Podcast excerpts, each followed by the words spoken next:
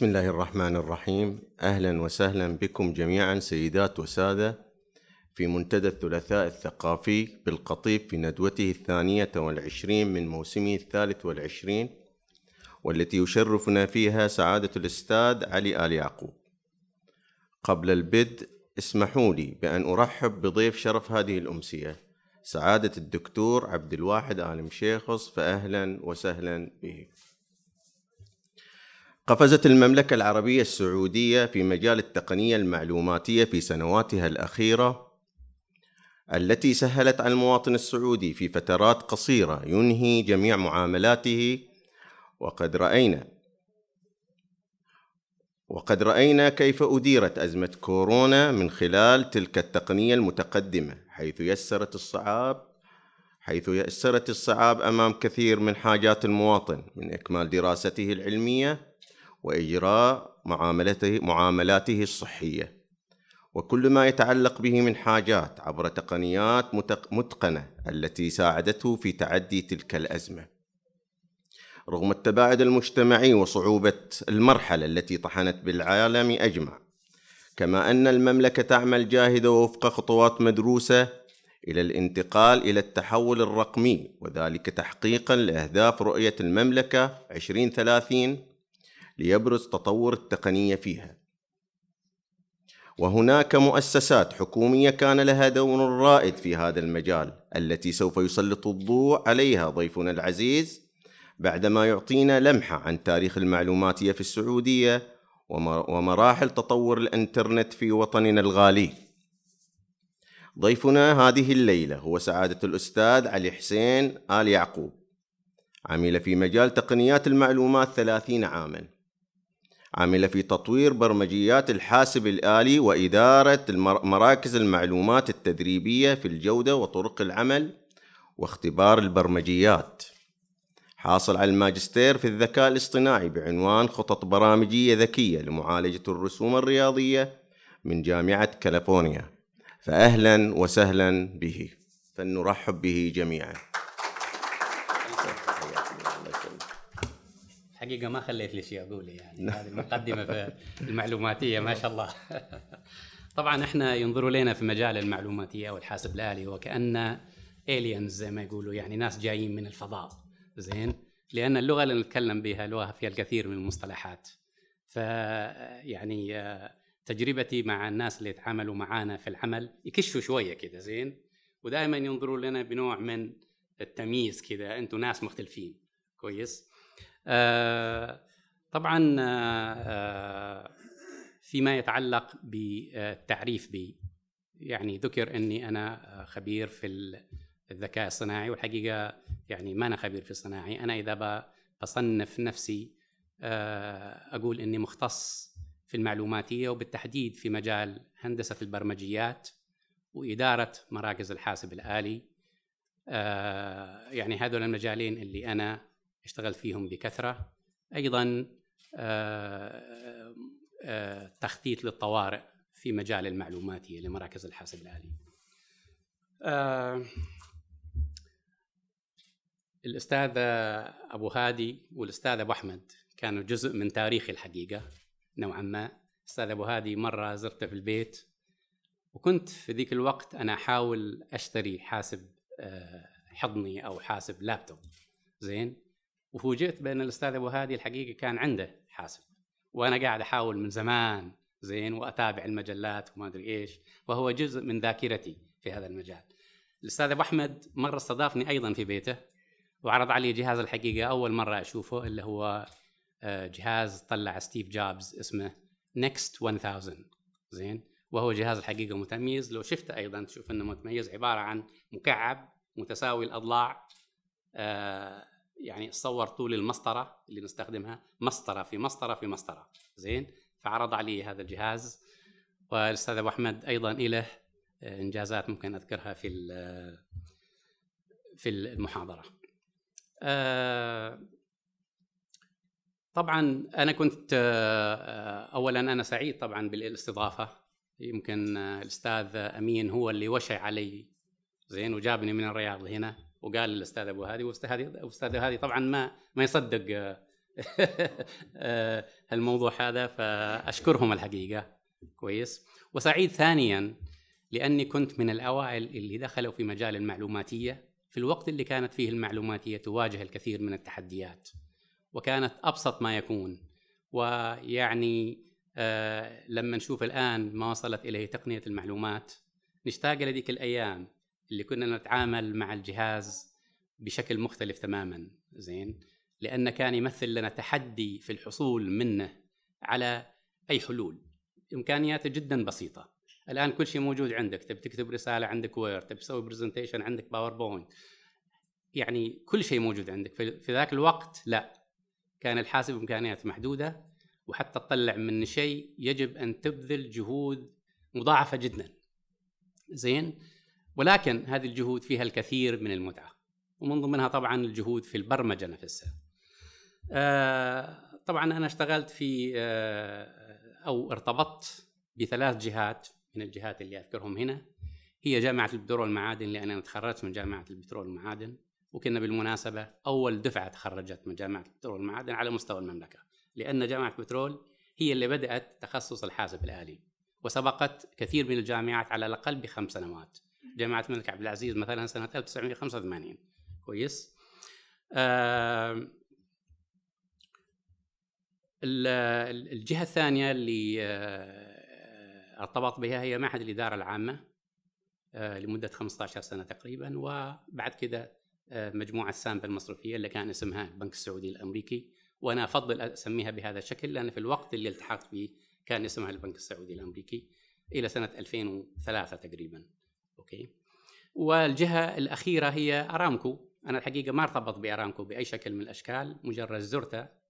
ولكن مع ذلك هي الجهة اللي كتبت عنها الكثير من خلال إجراء الكثير من الأبحاث. آه، ولذلك آه، يعني الكتاب اللي آه، ألفته معالم في تاريخ المعلوماتية في المملكة العربية السعودية تطرق إلى هذه الجهات وتطرق لها من خلال العمل البحثي. الكتاب هذا هو أول كتاب باللغة العربية على حد علمي القاصر. يتطرق إلى تاريخ كامل للمعلوماتية في بلد ما. ما في أي كتاب بهذا الشكل على مستوى اللغة العربية كلها. آه، طبعا شفت أنا بحوث في في الإنترنت تتكلم عن تاريخ الحاسب الآلي كصناعة ومع ذلك كان فيها يعني تشتت شوية في المعلومات.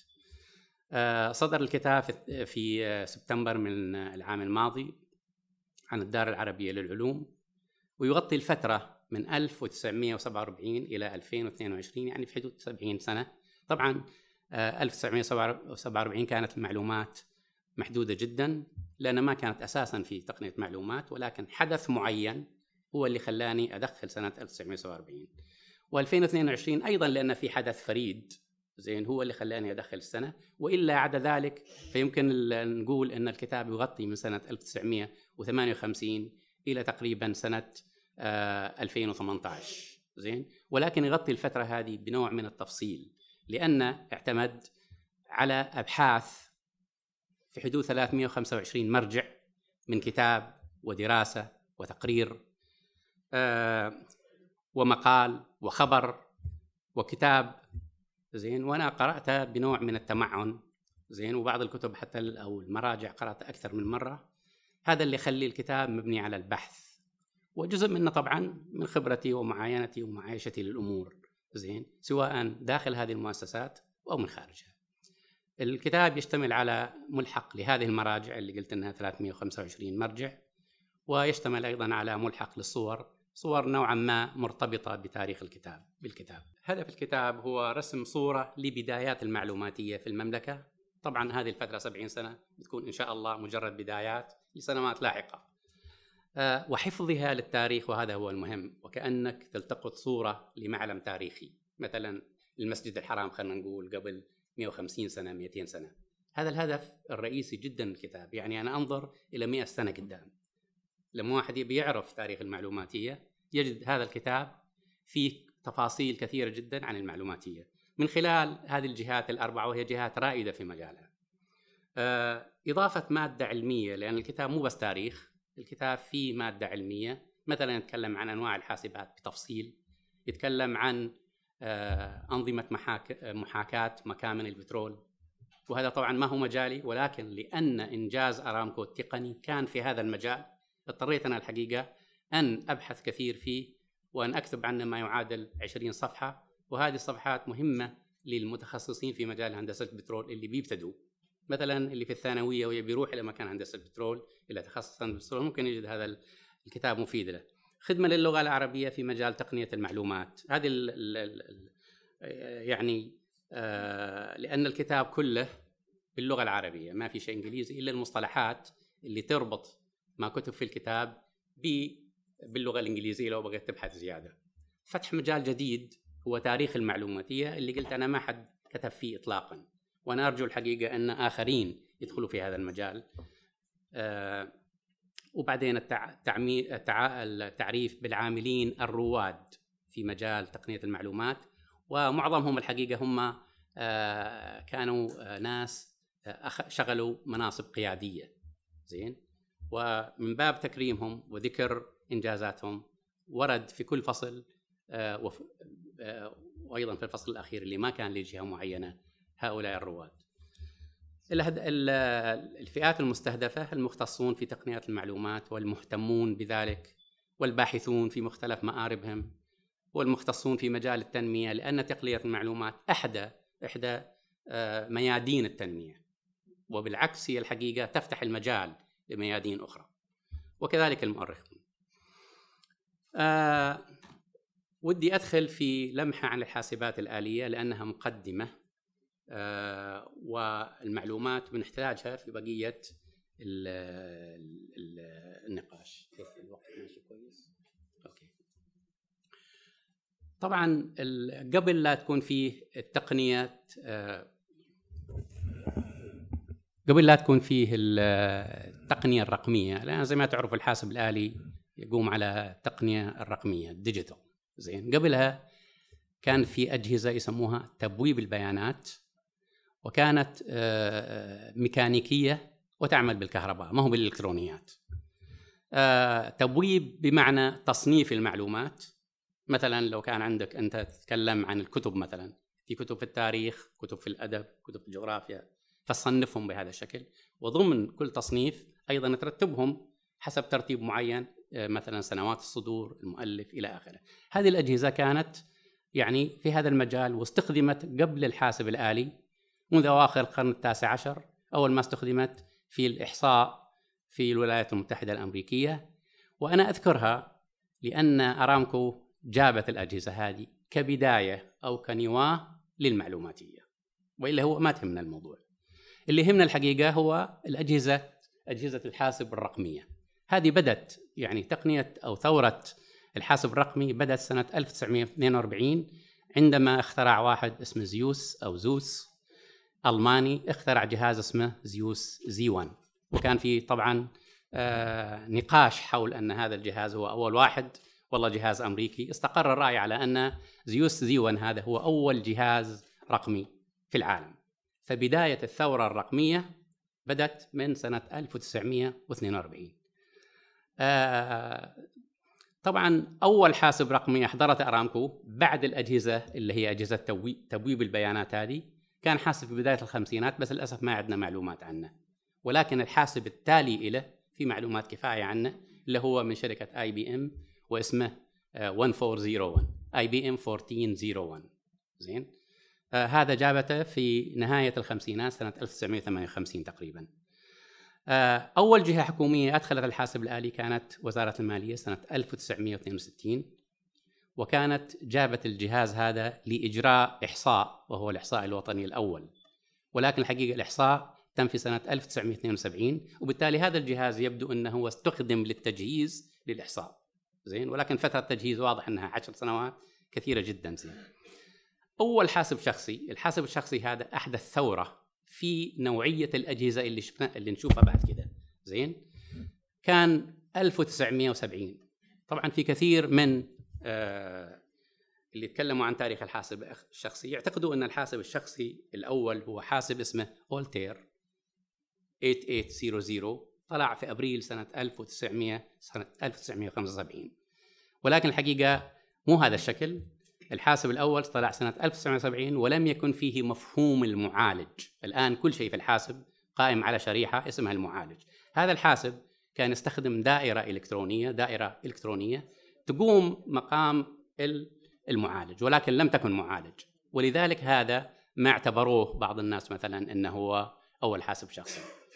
الحاسب الشخصي الآخر اللي ذكرت اللي هو الألتير 880 8800 كان فيه معالج وأيضا حقق إنجاز لأن قبله كانت الأجهزة عبارة عن أطقم يجوا الهواة ويجمعوها. يستخدموا ال power supply ويستخدموا اللوحة الرئيسية ويعملوا لها box وما أدري إيش. زين صندوق. أما هذا الجهاز فكان جهاز مجمع. وبالتالي انتشر تجاريا والانتشار التجاري هذا هو اللي سبب ان يعتبروه كثير من الناس هو الحاسب الشخصي الأول.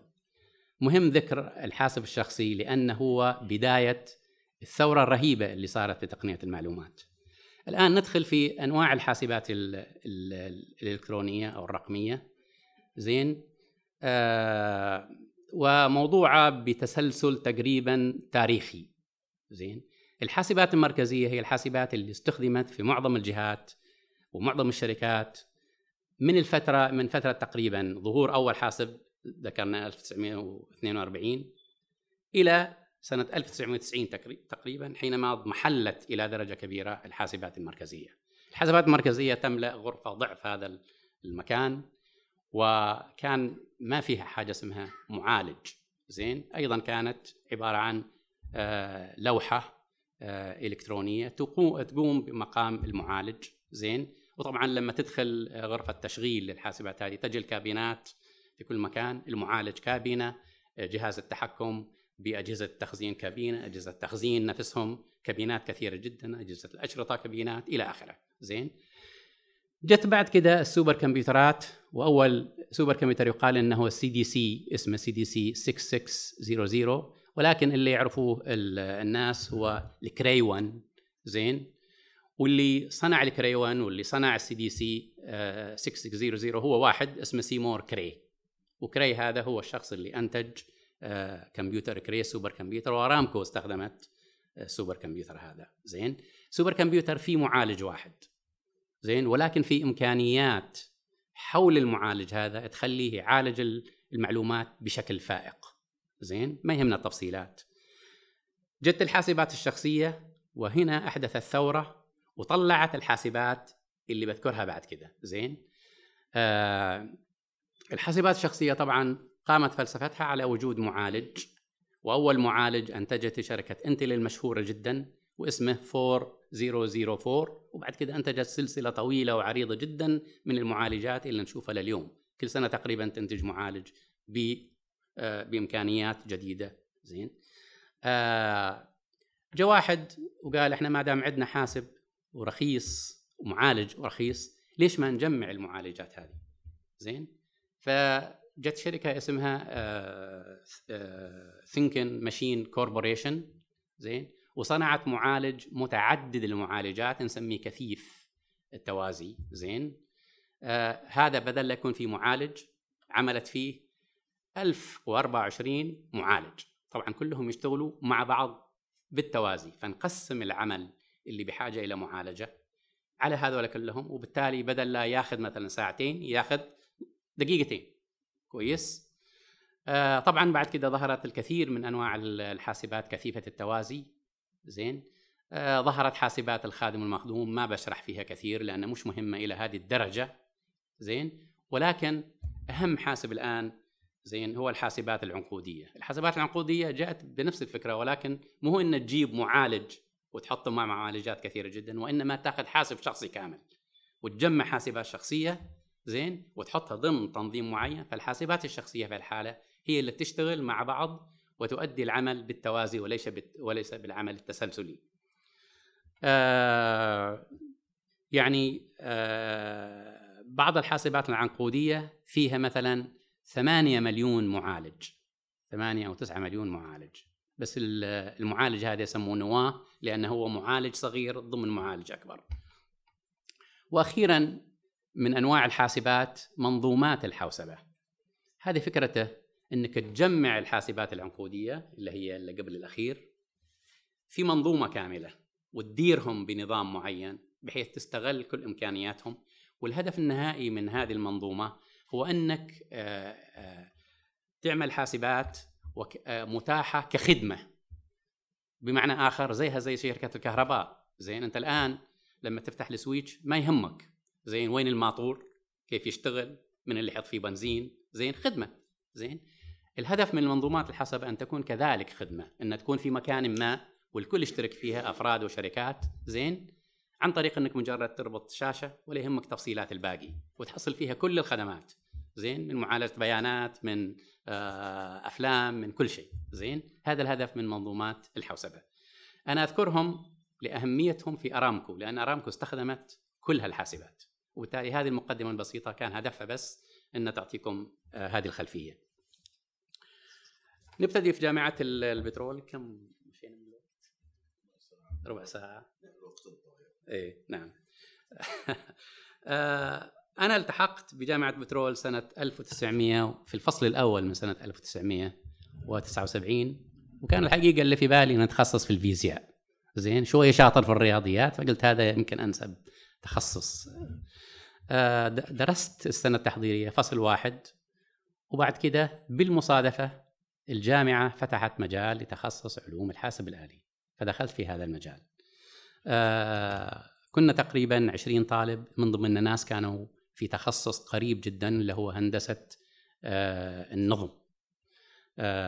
ف 20 طالب بدينا فيه. طبعا تجربتي الأولى مع الحاسب في جامعة بترول لما جينا إلى تسجيل في المواد.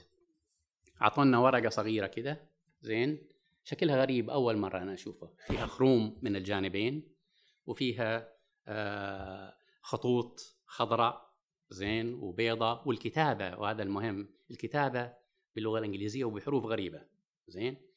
فهذا آثار اهتمامي. وعرفت بعد كده إنها الحقيقة مطبوعة بالحاسب الآلي. كويس. آه، طبعا آه، ثاني مواجهة للحاسب الآلي إن الجامعة كانت تدرس لغة البرمجة فوران لكل التخصصات وأنا حتى قبل لا أدخل رسميا في تخصص الحاسب الآلي آه، دخلت في المادة هذه لأنها إلزامية على كل الطلاب تقريبا وهنا صارت المواجهة الثانية مع الحاسب الآلي. زين؟ الحاسب الآلي في ذاك الوقت كان غير اللي نعرفه الآن زين؟ كنا ندخل صالة بطول المكان هذا ولكن تقريبا ثلث العرض خلينا نقول ستة أمتار وفيها بس ثلاث أنواع من الآلات. طابعة ولكن فيها آلة أخرى زين؟ زي الآلة الكاتبة وآلة ثالثة. الآلة الكاتبة هذه أو الآلة اللي زي الآلة الكاتبة يسموها آلة تخريم البيانات تخريم البطاقات المثقبة تجيب بطاقات بحجم تذكرة السفر الآن زين ولكن شوية أسمك منها. تحط رصة من هالتذاكر في مكان ما. نعم نعم نعم. وبعدين على الآلة الكاتبة هذه آه، تضغط فيخرم البطاقة وكل بطاقة تتخرم وتنتقل إلى السلة الأخرى اللي تجمع اللي تتجمع فيها البطاقات. بعد ما تجمع الرصة هذه يسموها paper آه، deck أو punch card deck تاخذها إلى البطاقة الأخرى اللي تقرأها. زين؟ وهنا تدخل المعلومات سواء برنامج أو بيانات إلى داخل الحاسب الآلي. طبعا إحنا ما نشوف الحاسب الآلي وراء جدار. نشوف بس الثلاث آلات هذه. ولا كان في في ذاك الوقت شاشات زي اللي نشوف الآن. زين؟ فكانت هذه ثاني مواجهة وهي نوع من التحدي إنك تتعامل مع هذه الآلة. آه، تخصص الحاسب الآلي في في الجامعة كان تخصص متوازن في كل المواد زين ولكن كان ينقصه آه، مادة الشبكات وأنا الحقيقة أشعر دائما الآن بنقص في فهم الشبكات لأني ما درست هذه المادة. الشيء الآخر اللي أخذ عليه إن في مادة اسمها قواعد البيانات وهذه مادة مهمة ولكن ما كان في في الجامعة في ذاك الوقت قواعد بيانات فما كان في فرصة إن آه، ندخل في هذا المجال.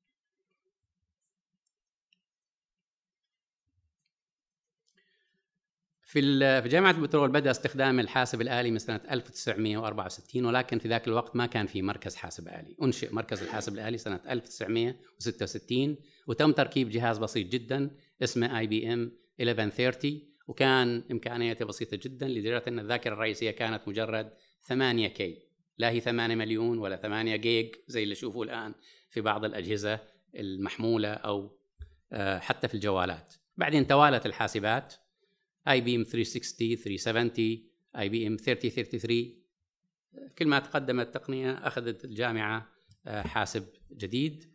وبعد كده أيضا بدا التخطيط للحاسبات الشخصية سنة 1980 ودخلت بالتأكيد بعد كده على طول. وفي الأخير يعني سنة 2008 تقريبا 2008 استخدمت الجامعة آه، الحاسبات العنقودية اللي تكلمت عنها قبل شوية. آه، تخصص الحاسب الآلي بدأ آه، ضمن تخصص هندسة النظم وأيضا ضمن الإدارة الصناعية ولكن بعد زي ما قلت كده صار تخصص مستقل من سنة 1979 وكانت أول دفعة هي الدفعة اللي تخرجت سنة في سبتمبر 1982 وكنت أنا من ضمنها. فأنا عملة نادرة يعني ما عندنا ما كنا إلا 20 طالب. وبعد كده تأسست كلية مستقلة. إلى الآن كان تخصص الحاسب الآلي ضمن آه، تخصص الهندسة النظم ثم تأسست كلية علوم وهندسة الحاسب الآلي سنة 86 آه،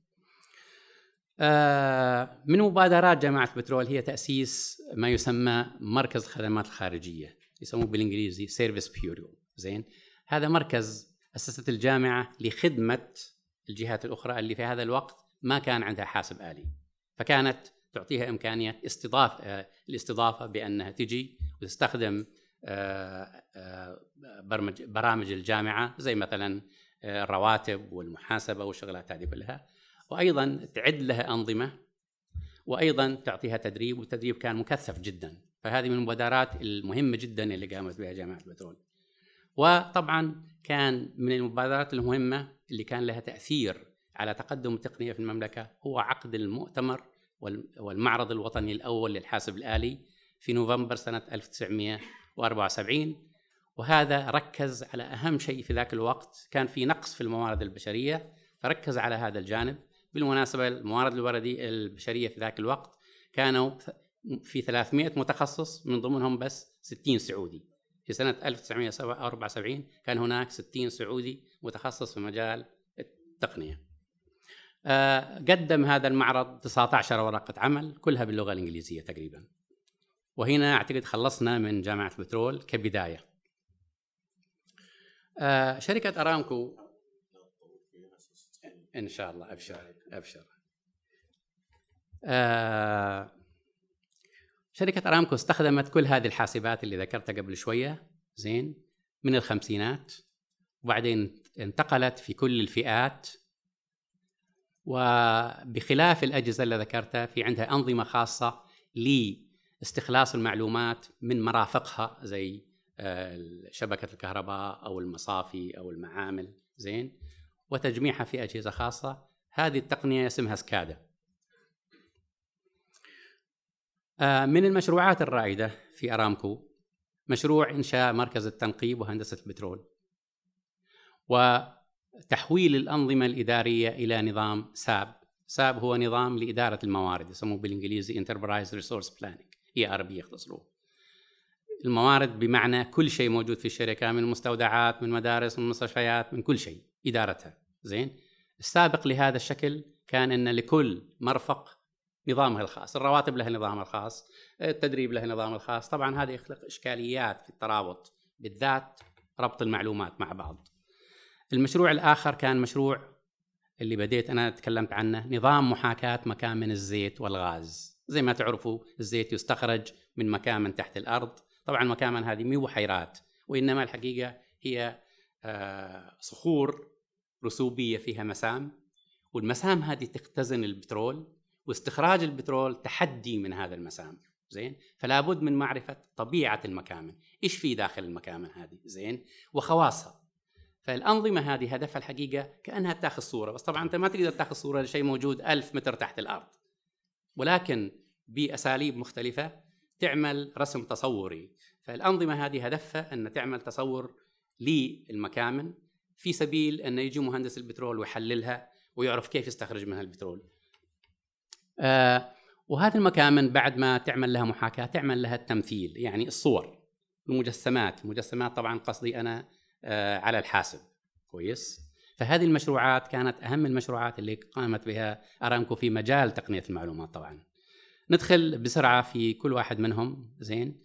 آه انشاء مركز التنقيب كان هدفه هو نقل ودمج تقنيات التنقيب. كان سابقا أرامكو تعتمد على شركات في الخارج ومراكز في الخارج حتى تقوم بعملية التنقيب عن البترول. في سنة 1900 ولما أنشئ هذا المركز 1983 جابت كل الإمكانيات هذه وحطتها في المركز وصارت مستقلة في هذا الجانب. افتتاح رسمي في مايو 1983 واشتمل هذا المركز على مركز خاص للحاسب الآلي اسمه ECC EXPEC Computer Center. زين؟ وهذا اللي تجرى فيه معظم آه نشاطات التنقيب. وكذلك اشتمل على مركز أبحاث اللي هو اسمه ARC. المشروع الثاني هو مشروع SAP. مشروع استغرق من أرامكو في حدود عشر سنوات أو 12 سنة وحول أرامكو جذريا من تقنية سابقة قائمة على الحاسبات المركزية وعلى أنظمة كل واحد منهم مستقل ولكن في نوع من الربط بينهم ولكن هذا الربط يخلق إشكاليات إلى هذا النظام اللي يوفر لك إمكانيات زين إنك آه تعمل كل الوظائف في نظام واحد. آه نظام ساب يقوم على المعالجة في الوقت الحقيقي. يعني لو عندك مستودع وسحبت منه قطعة زين العدد الباقي من القطع هذا بينعكس في كل مكان في الشركة لحظيا. يعني يشوفوه المشتروات يشوفوه إذا عندهم مبيعات يشوفوه المحاسبة. زين؟ هذا ما كانت تحققه الأنظمة المنفردة. آه المشروع هذا بدأ سنة آه 96 ميلادية بتكوين ثماني فريق من ثمانين شخص. هم حددوا احتياجات الشركة وتم إنشاء مركز حاسب خاص لهذا المشروع من أهميته. زين؟ في إكسبك. وبدأ التشغيل الفعلي للمرحلة الأولى في يناير 2002 يعني تقريبا بعد خمس سنوات من شغل المشروع. زين؟ آه في 2007 هذا النظام نظام ساب ألغى 170 من أنظمة الشركة إلغاء كاملا. وأصبحت كلها تشتغل على ساب. وفي عام 2010 كانت الأنظمة التطبيقية اللي كان بديل على الأنظمة السابقة ضمن ساب 17 نظام. واستغرق المشروع كله في حدود 12 سنة. المشروع هذا بعض الأرقام عنه زين في ذروته اشتغل عليه في حدود ألف شخص ألف متخصص.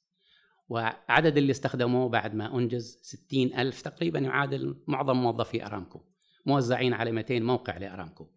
تنفيذ 145 ألف دورة تدريبية معظمها كانت في الصفوف. شملت مجال مجالات تنفيذه خمس مصافي تكرير خمس معامل غاز أكثر من 30 معمل لفصل الزيت عن الغاز 31 معمل آخر. ثلاث موانئ و11 مطارا و200 موقعا. كما شملت خطوط الأنابي وأسطولات وأسطول حاملات الزيت ومحطات الخدمة والمدارس والمجمعات السكنية. المشروع الآخر زين هو مشروع نظام محاكاة المكامن وهذا بحاجة إلى شرح. أنا آه، بطلع منه زين حتى توفيرا للوقت. بس خلاصته زين إن أرامكو كانت سابقا تستخدم أنظمة كمبيوتر لمحاكاة لدراسة المكامن وعمل آه، آه، يعني صور لها. باستخدام أنظمة أخرى من ضمنها ERPS اللي أرامكو كانت على فكرة هي المبادرة في اختارت مخصصين ودعمته فطلع هذا النظام واستخدمت أرامكو من سنة 1960 وأنظمة مارس وأنظمة CHEARS و Eclipse المهم إنها أنظمة من شركات مختلفة. في سنة 1984 قررت إن تبتدي في ان تعمل لها نظام محاكاة فعملت نظام اسمه SimPlot.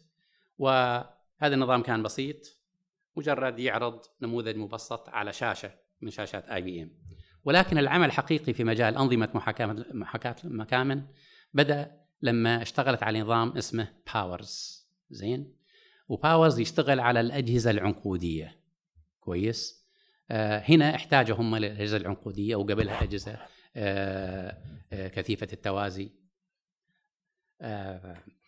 الإعلان عن النظام طبعا POWERS اختصار ل Parallel Oil Water and Gas Reservoir Simulator اللي هو محاكي آه، مكامن الزيت والغاز والماء المتوازي.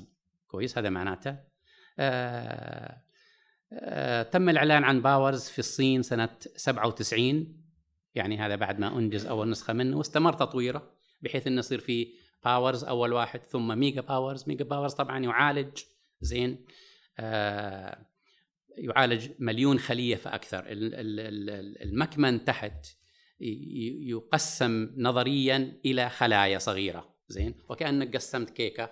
زين؟ بالطول وبالعرض فظهر عندك كيكات صغيرة. الكيكات الصغيرة هذه يعادلها في المكامن الخلايا والخلايا تسند لها خواص معينة في سبيل دراسة المكمن. المهم أن الباورز هذا تدرج من عدة آلاف من الخلايا إلى ملايين آه، بلايين ثم تريليونات من الخلايا. بمعنى آخر أصبح دراسة المكامن هذا بغاية من الدقة بحيث كأنك مصور المكمن هذا بكاميرا.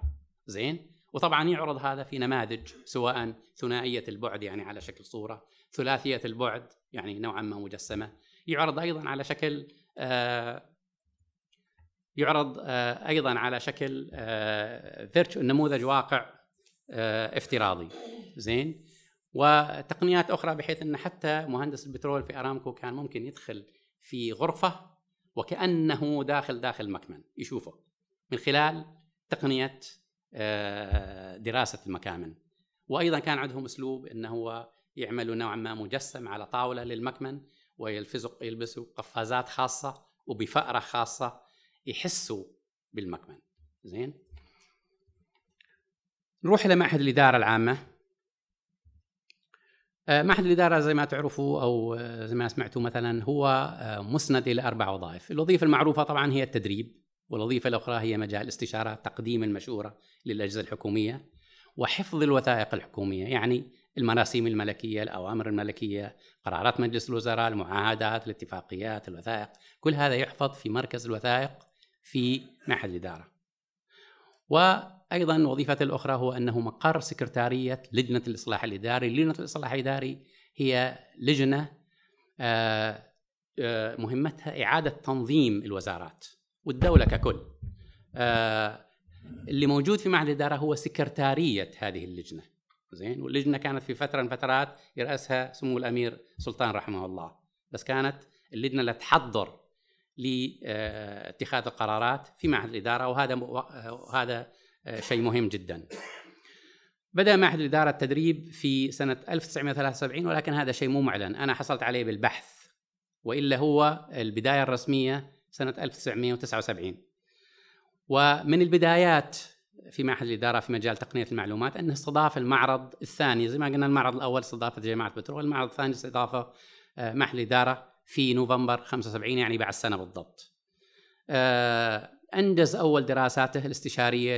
في مجال تقنية المعلومات طبعا إحنا نتكلم سنة 1978 اللي 78 آه، هذه بالهجري كانت فهو 1978 أصدر أول كتابين سنة 82 ابتعث أول موظف سنة 75 وأول خطة خمسية في مجال تقنية المعلومات طلعت سنة 1980 من مركز الحاسب الآلي فهذه البدايات البداية زي ما تلاحظوا ما هي بدايات سبقت آخرين لأنها بدأت تقريبا في نهاية السبعينات بداية الثمانينات بينما في جهات بدأت حتى في الخمسينات زي ما قلنا. آه، طبعا مركز الحاسب الآلي في المعهد بدأ سنة 79 وتطور في استخدام الأجهزة من الأجهزة المتوسطة إلى الحاسبات المركزية إلى أجهزة الخادم والمخدوم. وصيانة التطبيقات تطورت أيضا وهي تتم كلها داخليا. يعني المعهد يعمل انظمته ما يشتري أنظمة من أخرى. زين. ولكن أهم نظامين يعني مهمين لخارج المعهد هو نظام الوثائق لأن زي ما قلنا معهد الإدارة في مركز الوثائق ونظام المكتبات. هذول المتاحين. وفي الأخير أعتقد أتيحوا أيضا على موقع المعهد في الإنترنت اللي تم تدشينه سنة 1997 وطبعا بيئة تطوير وصيانة التطبيقات شهدت تطورات. كنت أنا مساهم بدرجة كبيرة فيها. مثلا أنا اللي جبت قواعد البيانات لمعهد الإدارة. سابقا كانت ملفات متفرقة. أدخلت منهجيات في معالجة في تحليل وتصميم الأنظمة. اعتمدت على مثلا منهجية جيمس مارتن المعروفة في هذا المجال. المنظومة الإدارية للتدريب في المعهد هو اللي يميز المعهد في هذا المجال. إنه في عدة إدارات متخصصة. أولها إدارة تصميم وتطوير البرامج وهذه معنية بتصميم المعايير والإجراءات والنماذج. هي ما تصمم برامج ولكن تصمم المعايير للبرامج. وهناك إدارة لتقييم البرامج هي تقيمها مستواها هل ضعيف زين مناسب مو مناسب.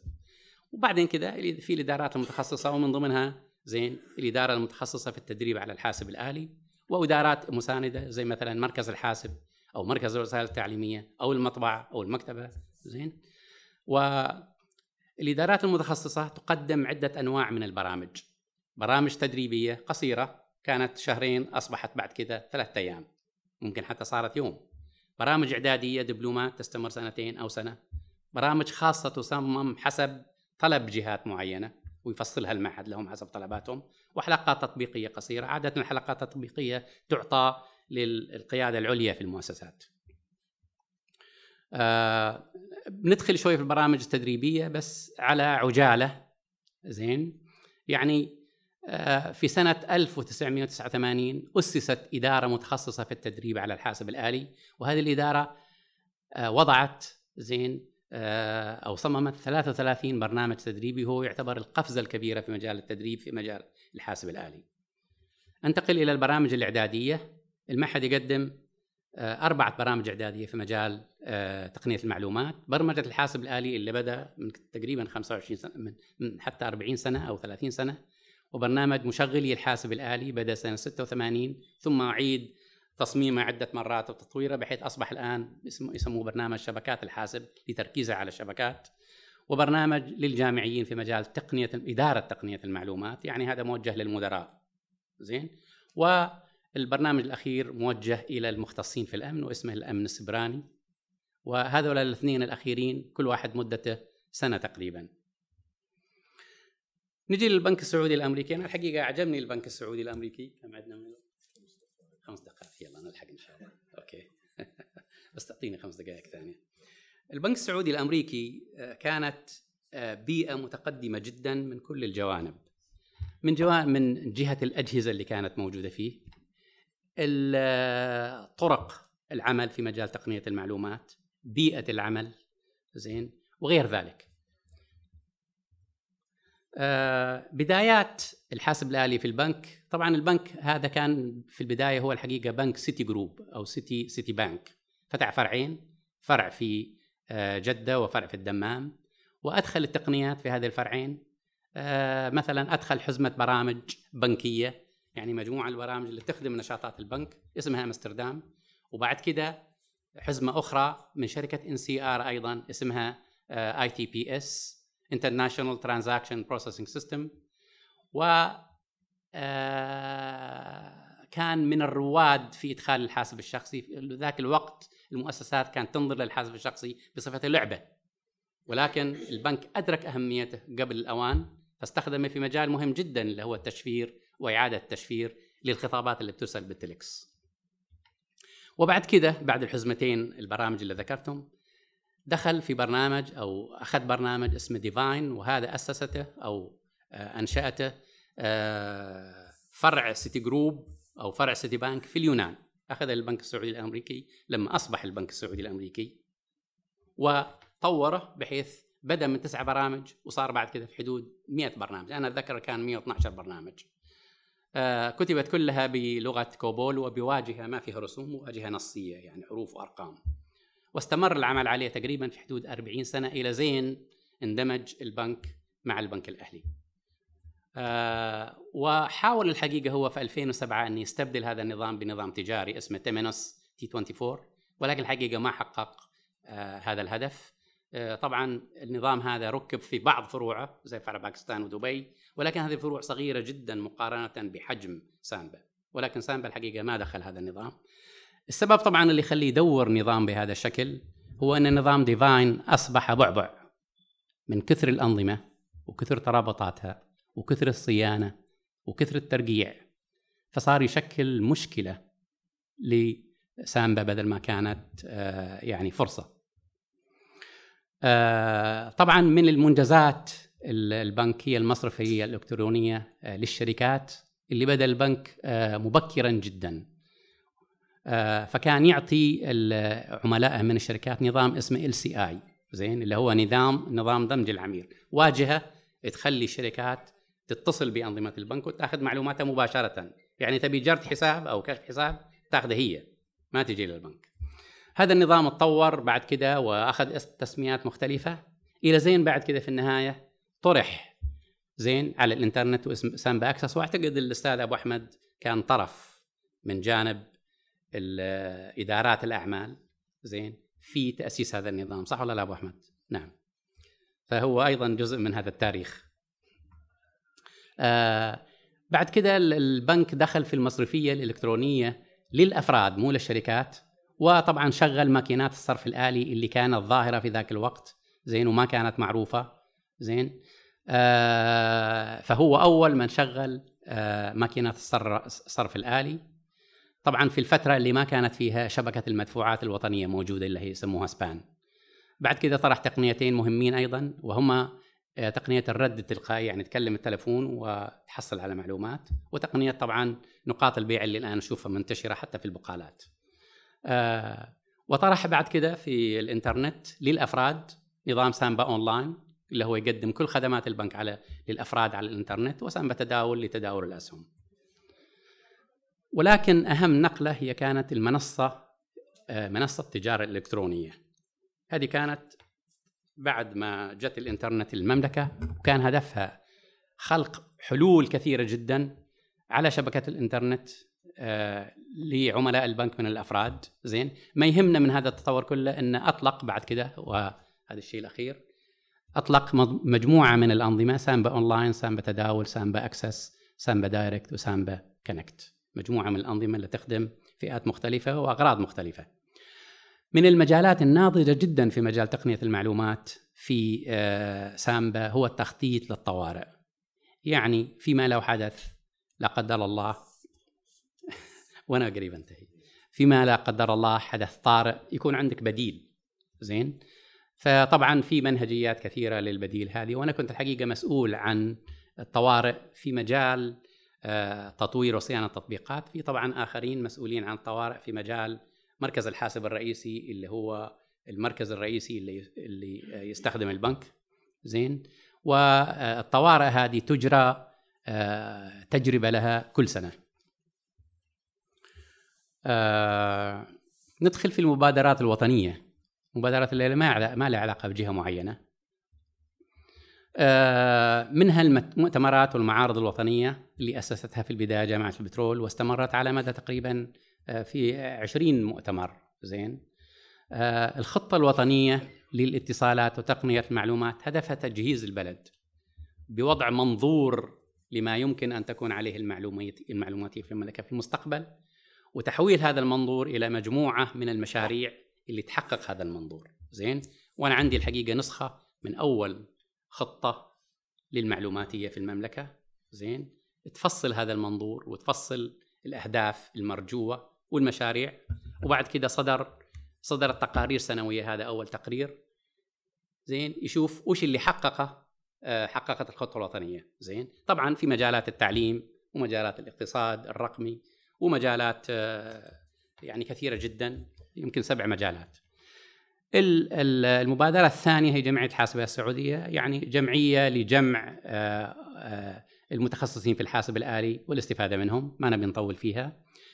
ولا المركز الوطني أيضا أنا بقفز عن هذا لأن حقيقة ما أسس بس فكرته مهمة. زين؟ من الأشياء المهمة أيضا هي محاولات لتعريب الحاسب الشخصي. زين.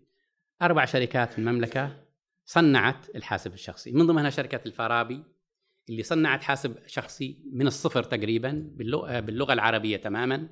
زين. وأنتجت منه مجموعة من الاجهزه سنة 85 من ضمنها آه، شركة اسمها آه، شركة أبو أحمد الحقيقة اشتغل فيها الأستاذ عبد الله العوامي. RCTC. أنا سميتها آه، شركة تقنية المعلومات للأبحاث وأنتجت حاسب جدا مهم اسمه الرائد الرائد 100 والأستاذ أبو أحمد عمل برنامج آه، في معالجة البريد الإلكتروني أعتقد. زين. فهذه جهود الحقيقة مهمة جدا يمكن ما حد يعرفنا إن كان عندنا في الثمانينات شركات صنعت حاسبات آلية. وللأسف الآن ما عندنا شركات تصنع حاسبات آلية خوفا من المنافسة. آه، مبادرة حاسب لكل منزل. هذه هذه مبادرة قامت بها شركة الاتصالات وتقنية المعلومات وكان هدفها توزيع مو مجاني طبعا توزيع 100 آه، مليون حاسب أو حاسبات على مليون أسرة بالتقسيط زين؟ تاخذ الحاسب تروح لجرير مثلا تاخذ الحاسب ويقسط لك كويس في فاتورة التلفون. والأخير هو مبادرة المدن الذكية اللي بدأت بالشارع الذكي سووا شارع سنة 2007 كان تستطيع فيه تتصل بالإنترنت آه، بدون لا يكون عندك لا راوتر ولا أي شيء وكان هدفهم الحقيقة أن الانتقال بعد كده إلى مدن ذكية. زين؟ طبعا هذه التجربة أعتقد ما تكررت. بقى عندنا موضوع الإنترنت ممكن نتكلم عنه. نكمل في المداخلات إن شاء الله. إن شاء الله. يعني وقتك راح في طيب إحنا الآن نشكر الدكتور. شكرا لك سعادة الأستاذ. الآن ناخذ مداخلات ناخذ ثلاث مداخلات ونجيب. عنها وبعدين نرجع للجولة الأولى. فضل. من يعلق الجرس ويبدأ بال الأستاذ عبد الرسول تفضل هو رفع إيده ومن ثم إن شاء الله. تعريف بالاسم عبد الرسول الغريب أثريتنا أستاذ علي ورجعت لنا بعض المعلومات. آه، بالنسبة إلى أنا أتذكر وإحنا صغار كانت أولى البعثات إلى الخارج كانت كانت ثورة ابتعاثات في مجال الحاسب الآلي تقريبا بدت من منتصف السبعينات صح. أو ما بعد منتصف السبعينات. وكانوا هذه الناس اللي يجوا لنا الطلاب طلاب الحاسب يجوا لنا بال PC personal الكمبيوترات الشخصية. فكانت من ضمنها مختلفة كومودور 64 اللي كان يشتغل على 64 كي فقط صح صح. وال Radio Shack. صح. وبعدين جاء بعدها جت بعدها كمبيوترات ثانية وبعدين بدأ الكمبيوتر ينحصر في منافسة في جزئين. لما بدأت الناس تتطور. منافسة منافسة إيش؟ منافسات يعني بين آه بين, بين الشركات. بين شركات نعم. واختصت شركتين اللي هو ال PC أو ال IBM أستاذ عبد الرسول بس على أساس ناخذ مداخلات ثانية بس نعم. واللي هي ال Macintosh. نعم صحيح. السؤال لما حل اللابتوب الآن بدأت تضمحل كلمة ال PC أو ال personal الشخصي نعم. بدأت تضمحل تقريبا ويدخل عالم الآن إحنا أين يقع الآن الكمبيوتر الشخصي لأنه حامل اللابتوب الآن سواء في عمله أو في بيته فتقريبا بدأ يختفي نعم. تختفي كلمة أو الفرق بين ال PC وال framework والشغله نعم. فالى أي مدى؟ هل إلى أي مدى بدأ يختلط الشخصي باللي هو جهاز الأعمال؟ بإيش؟ جهاز الأعمال يعني الكمبيوتر نعم. الآن الحقيقة لا أستاذي بس أخذ المداخلتين تفضل. هنا أستاذ أمين. هنا. بس تحب تسجل عندك الأسئلة حتى تجاوب عليها؟ عبد المجيد نصير متقاعد وزارة الاعمال الحقيقة سؤال بسيط جدا. سؤال بسيط جدا للمحاضر. آه يعني عدد كثير يتعرضون إلى الاحتيال في الإنترنت وفي الاحتيال. نعم. وتروح فلوسهم هذا نبغى نص... بالرغم من المحا... من المحاذير من البنوك إلا أن الموضوع في ازدياد. نبغى نصائح من المحاضر في هالم... في هالموضوع هذا. والسؤال الثاني أين نح... بالنسبة للمناهج في الثانوية؟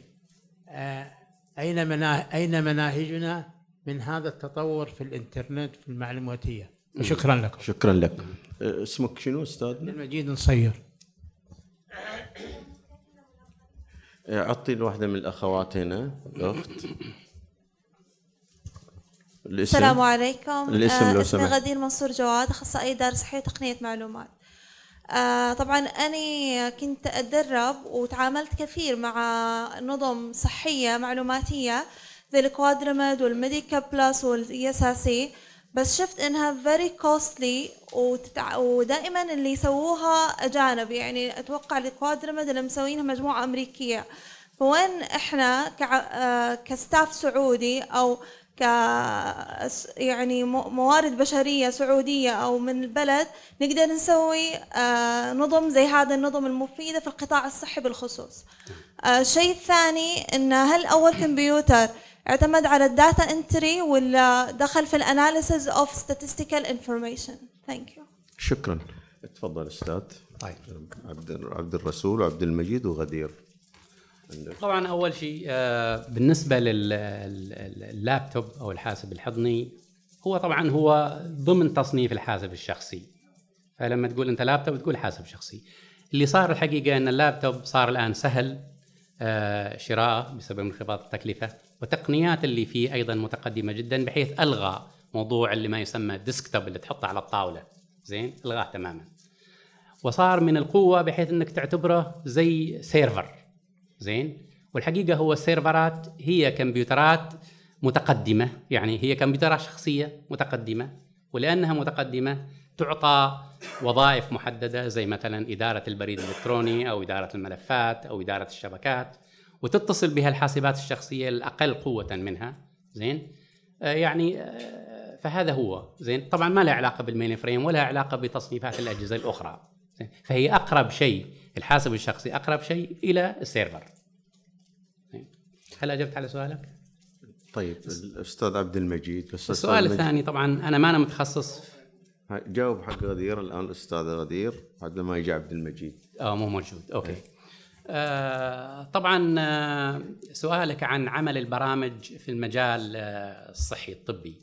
ما ينقصنا أي مقدرة على أن نعمل برامج؟ إحنا عملنا البرامج اللي تدير الحكومة الإلكترونية الآن زين؟ وهي برنامج أبشر مثلا نظام أبشر. نظام معقد جدا يؤدي خدمات بالعشرات وغيرها من الأنظمة زين؟ آه فما في شيء يمنع أن نعمل آه أنظمة في المجال الصحي. وأنا سبق إني مثلا آه درست آه الأنظمة اللي يسموها hospital information system HIS زين؟ يعني أنظمة وظائفها آه معرفة بشكل دقيق وبالإمكان بإمكانياتنا إن نسوي أنظمة آه يعني حتى تجارية مو بس لنا نبيعها. كويس؟ آه الاثنين طبعا ما في كمبيوتر إلا في data entry بشكل أو بآخر سواء بالأصابع أو إنك تدخلها بوسائل أخرى زين؟ وكل الكمبيوترات تقوم بتحليل. تعطيك الفرصة ان تحلل البيانات. بس أظن وصلت الفكرة. الأستاذ عبد المجيد. نعم. بالنسبة للحماية حماية الإنسان لنفسه من خطر الحاسب الآلي. اولا أنا ما أنا مختص في امن المعلومات ولكن كمختص في المعلومات زين أعرف الوسائل وأنا طبعا المختص في تقنية المعلومات يكون منضبط أكثر في إعطاء معلومات. مثلا لا تعطي معلومات ابدا عن شخصك إلا للجهات اللي تعرفها تماما وتعرف ليش بتاخذ معلوماتك. البنك مثلا إذا كان يعني مثلا في ضرورة أنك تزورهم وتعطي معلومات. أما على التلفون طبعا هم يقولوا لك لا تعطينا معلومات. كويس. تستخدم كلمة سر ممتازة. زين يعني ما حد يقدر يعرفها. ما تحط كلمة سر باسمك مثلا. زين؟ قدر الإمكان يعني تحاول المعلومات اللي عندك. يعني إذا بتحطها في فلاش تتأكد إن الفلاش هذا تقدر توصل إليه وما حد ثاني يقدر يوصل إليه. زين؟ يعني هذه بعض النصائح احتياطات تتخذها. طبعا عدا ذلك في أنظمة الحقيقة زين؟ تحاول مثلا في البنوك تحاول تحمي زباينها بحيث إن معلوماتها ما تطلع في أي مكان آخر. شكرا. نبدأ الجولة الثانية. أيوه. جاينكم الحين بس عندي ناس تفضل. الاسم. لي ناصر الشطي. أخينا العزيز. نعم. أنا أسمع بالأخبار إنه تعطل النت بسبب قطع الكيبل البحري. نعم. فرضا. نعم. فهل هالقارات هذه كلها مشبوكة تحت البحر؟ في كيابل حقيقية ولا كلمة وتقال وشكرا. شكرا. الدكتور علي هنا. دكتور علي. عرفت سؤاله؟ إي عرفت. دكتور علي. ما شاء الله عليك أستاذ علي كفيت ووفيت في المجال هذه وخاصة كتابك هذا مع البحث اللي سويته. أنا بالنسبة لي دكتور انت صراحة بالنسبة للعمل اللي سويته عمل جبار وهذا بالنسبة يساعد الطلاب في المسح الأدبي يعرفوا كيف بداية الكمبيوتر وكذا. صراحة قريت خبر أمس اللي هو النبضه الكهرومغناطيسية. النبض الكهرومغناطيسي اللي يقول ترجعنا حوالي 300 سنة للوراء. فما هو البديل الحين؟ هذه المعلومات الكثيرة وال iCloud بكره ال cloud آه، صارت مطر. آه، شو اللي يصير يعني صراحة. شكرا. فأنا أبغى نعرف إيش. شكرا. نعم. فوزي أستاذ فوزي هنا. إي شايف إنك جاي لك أنا جاي لك. أنت ما رفعت إيدك بس جاي لك. فوزي الدهان السلام عليكم جميعا. شكرا أستاذ علي أبو نزار على المعلومات والمحاضرة القيمة في الواقع. أنا بس توارد في ذهني لما ذكرت في معهد الإدارة اللي هو مركز الوثائق كان على ما أذكر إنه كان card disk وكان على جهاز معين ما كان الحاسب الآلي طبعا وكان في كل المعلومات الوطنية وحتى الصحف السعودية موجودة نعم. نعم. آه، ما أدري إذا كان بعدين تطور أكيد إلى برامج حاسب آلي. نعم. لكن على ما أظن أيضا في هيئة الخبراء في مجلس الوزراء أنتم كنتوا تحفظوا كل القرارات قرارات مجلس الوزراء والمراسيم الملكية والأوامر الملكية. بعدين في هيئة الخبراء كان في مركز معلومات أيضا رديف. الآن لو تدخل على هيئة الخبراء في مجلس الوزراء بس تدخل لي في السؤال إيه مباشر إيه على أساس آخذ مداخلة ثانية. آه لأنه هذا التوضيح مهم عشان السؤال. ما يحتاج هو سؤال مباشر. أوكي. المركز المعلومات في هيئة الخبراء وأيضا مركز المعلومات الوطني اللي يمكن تجاوزته في الحديث اثناء هل هي آه، مراكز هذه مستقلة ولا استفادت من بعضها البعض؟ زي مثلا استفاد آه، المركز الوثائق في هيئة الخبراء من معهد الإدارة وتحول إلى حاسب آلي بدل الكاردسك وهل المعهد تحول فيه أيضا هذا إلى حاسب آلي؟ أنا ما دخلت على موقع المعهد في الفترة شكرا. الأخيرة. شكرا جزيلا. شكرا. آه، سؤال علي شطي. طيب. طبعا في فعلا بالنسبة للكيبل البحري في فعلا كيبل بحري يربط القارات. وهذا لو انقطع فعلا يأثر على الدول اللي تستخدم الكيبل البحري. يعني هذا مختصر الجبل نعم هو هو تصور ما تدري لما يصير إشعاعات شمسية آه، يعني خوفونا أكثر من مرة من تأثيرها. ولكن ما أعتقد إنها بتؤدي إلى آه، كل هذا التخوف يعني حقيقة يعني. ما ما شاهدناه في حياتنا للآن. يعني هذا اجابتي المختصره الاستاذ فوزي. الأستاذ فوزي طبعا احتمال يكون آه، نسميه مركز الخبراء والله؟ هيئة الخبراء. احتمال يكون نسق مع المعهد وارد هذا زين. ولكن المعهد الإدارة هو الجهة الرسمية المخولة من قبل الدولة لحفظ كل الوثائق. وإجابة على سؤالك الآلي كان فعلا كارد إندكس يسموه. عبارة عن أوراق كل ورقة تصف الوثائق وتصف أيضا الكتب. زين؟ هذا المكت... المعهد فعلا قضى عليه تماما. ظل فترة معينة متزامن مع استخدام نظام الحاسب الآلي زي ما تفضلت من خلال شاشة وبعدين شاله تماما على حد علمي. زين؟ آه، أنا طبعا شاركت في النظامين نظام الوثائق ونظام المكتبات بصفتي مشرف عليهم كمدير مركز الحاسب الآلي في هذه الفترة. تفضل أستاذ عبد الله. ما عليه بعد ال...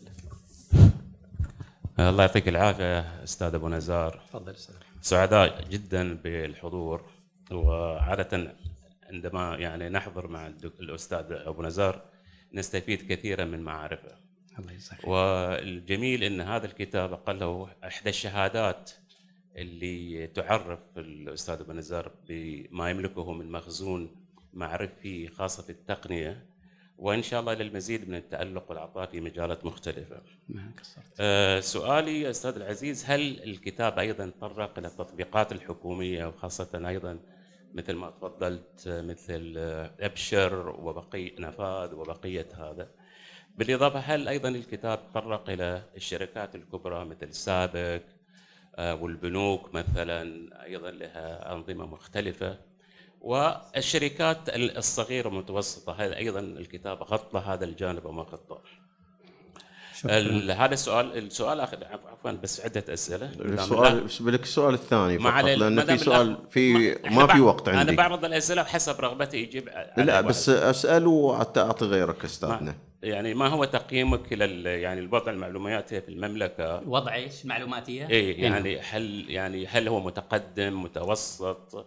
ومع تطور الذكاء الاصطناعي أين نحن؟ السؤال الأخير هل من الممكن أيضا التنسيق مع وزارة التعليم من أجل تحويل الكتاب هذا مثلا إلى منهج دراسي مثلا منهج أكاديمي؟ بحيث انه ممكن تدريسه في بعض الفصول الدراسية. شكرا. والله يعطيك العافية. أه، الأستاذ علوي أبو هشام تفضل.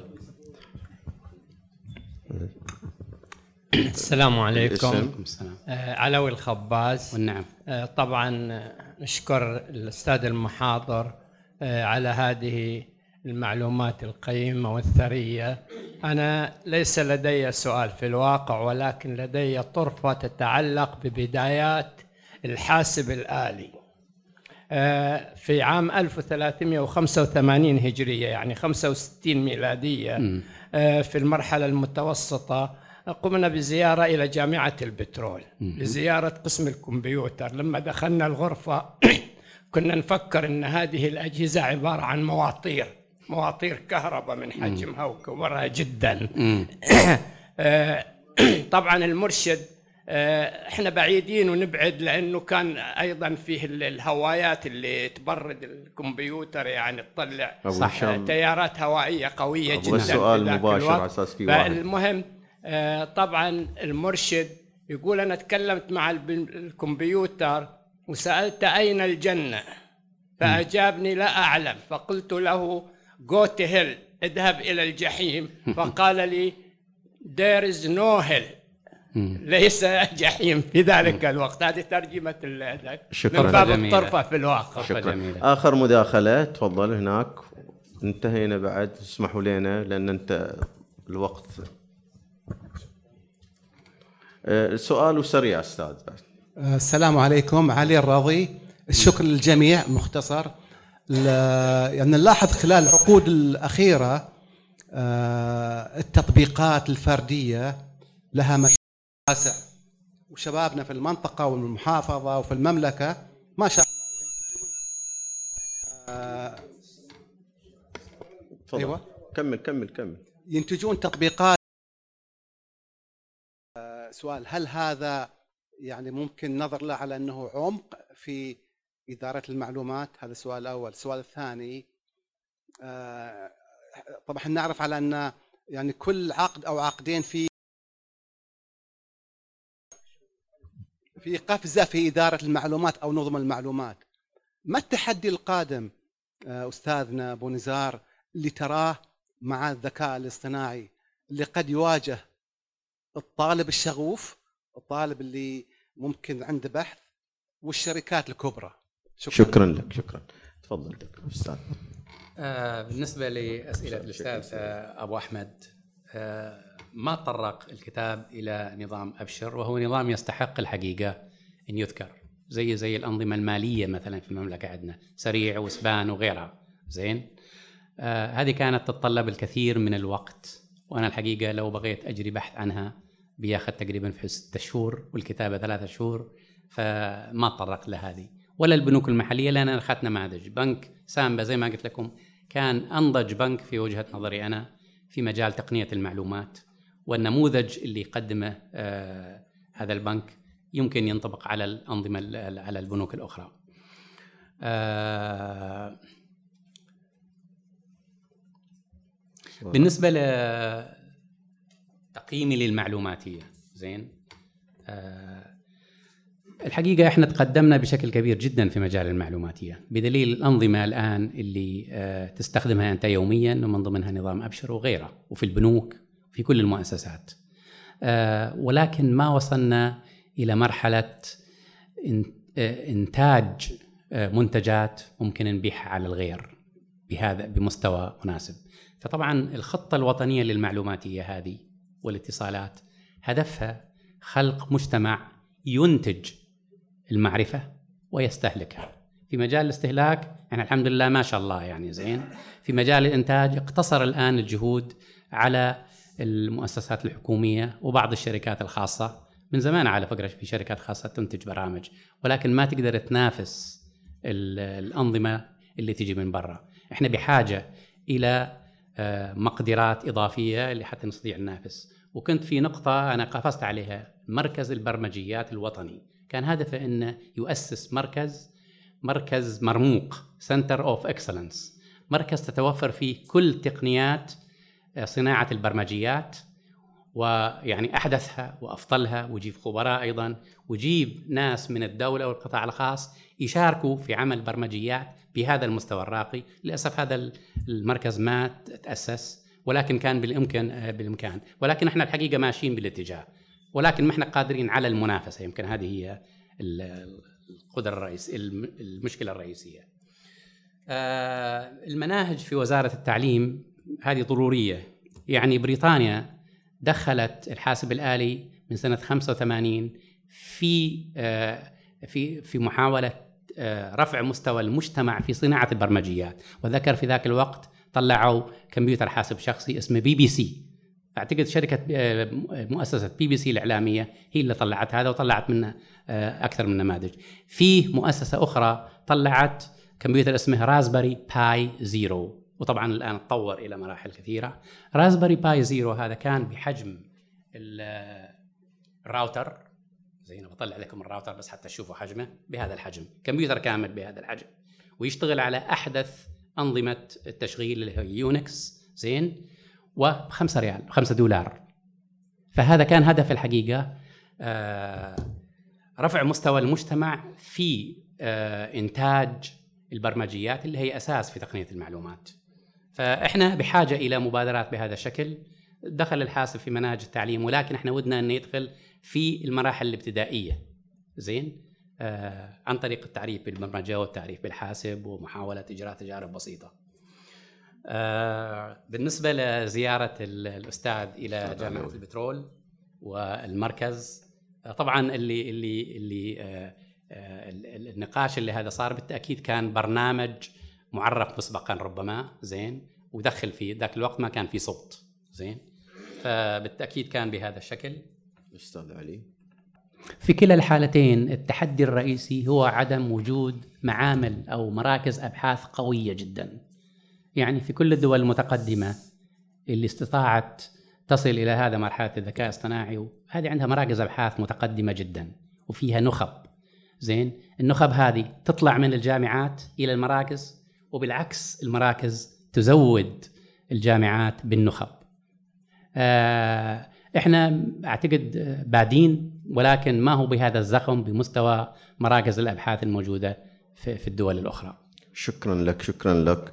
قبل كلمة ضيف شرف أمسيتنا هذه الليلة حب التنويه إلى أن ندوة الأسبوع القادم آه، إن شاء الله حقوق الكبار كبار السن بين الأنظمة والواقع. المحاضر وكيل وزارة الشؤون الاجتماعية السابق الأستاذ عبد العزيز الهدلق وأذكر بتوقيع كتاب الأخت الكاتب الروائية. قبل الانهاء حبيت أنوه لإصدارات منتدى الثلاثاء موجودة اللي حب تقتنيها للبيع هي هنا موجودة. والشكر موصول لكم جميعا ولسعادة الدكتور عبد الواحد ولأستاذنا ضيف الضيف هذه الليلة الأستاذ علي. شكرا لكم جميعا تصبحون على خير.